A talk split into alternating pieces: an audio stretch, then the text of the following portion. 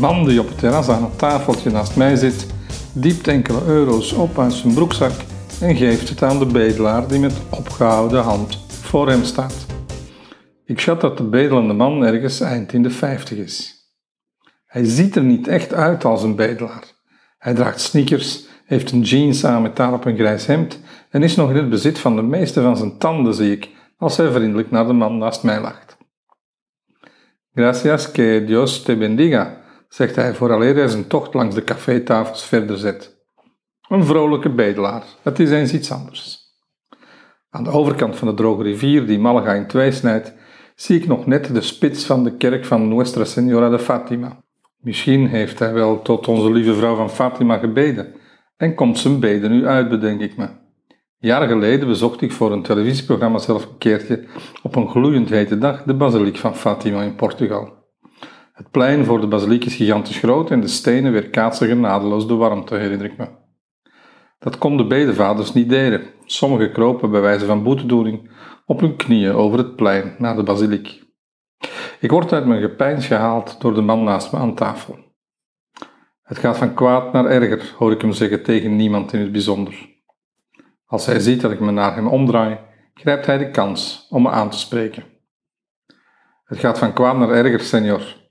Ik heb mijn advocatenpraktijk hier niet ver vandaan. Achter de hoek daarvan is een voedselbank. Voor mij is die voedselbank de thermometer van onze samenleving. Normaal staan daar s'avonds zo'n man of vijf aan te schuiven. Tijdens het hoogtepunt van de COVID-crisis waren dat er wel honderd. Gewone mannen en vrouwen die zonder werk waren gevallen.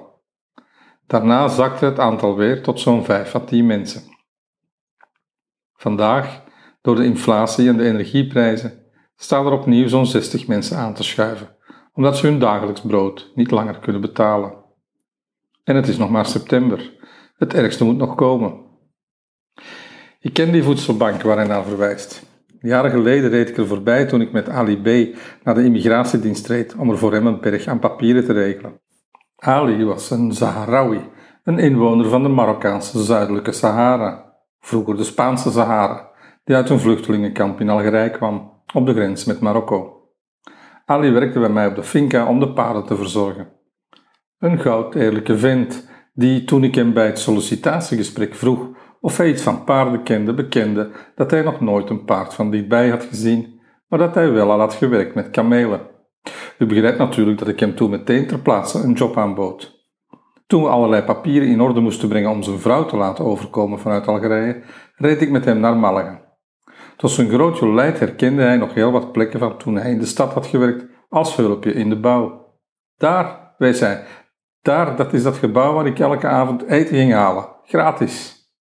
Het bleek die voedselbank te zijn.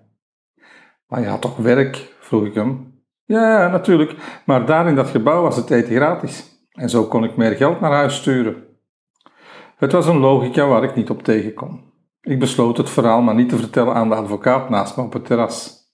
Voor je het weet, denkt zo iemand dat je er slechte bedoelingen mee hebt en belt hij de gedachtepolitie. Terwijl ik het gewoon een mooi verhaal vind, het leven zoals het is. De advocaat drinkt zijn koffie leeg en winkt de garçon voor de rekening. Twee euro, zegt de ober. De man tast in zijn zakken, maar vindt geen centen. Oh, ik heb mijn portefeuille op mijn bureau laten liggen en mijn laatste eurocenten daarnet aan de bedelaar gegeven, mompelt hij ontdaan. De garçon zuigt wat lucht tussen zijn tanden, zoals alleen mannen in een uniform dat kunnen. Ik betaal meneer zijn rekening wel, zeg ik, terwijl ik een muntstuk van 2 euro op het tafeltje leg. De advocaat glimlacht verlegen. Gracias, senor, muy amable, zegt hij opgelucht en schudt me de hand. Het is niks, antwoord ik, want wie weet hoe de wereld er morgen uitziet. Misschien staan we dan wel zij aan zij aan te schuiven bij de voedselbank.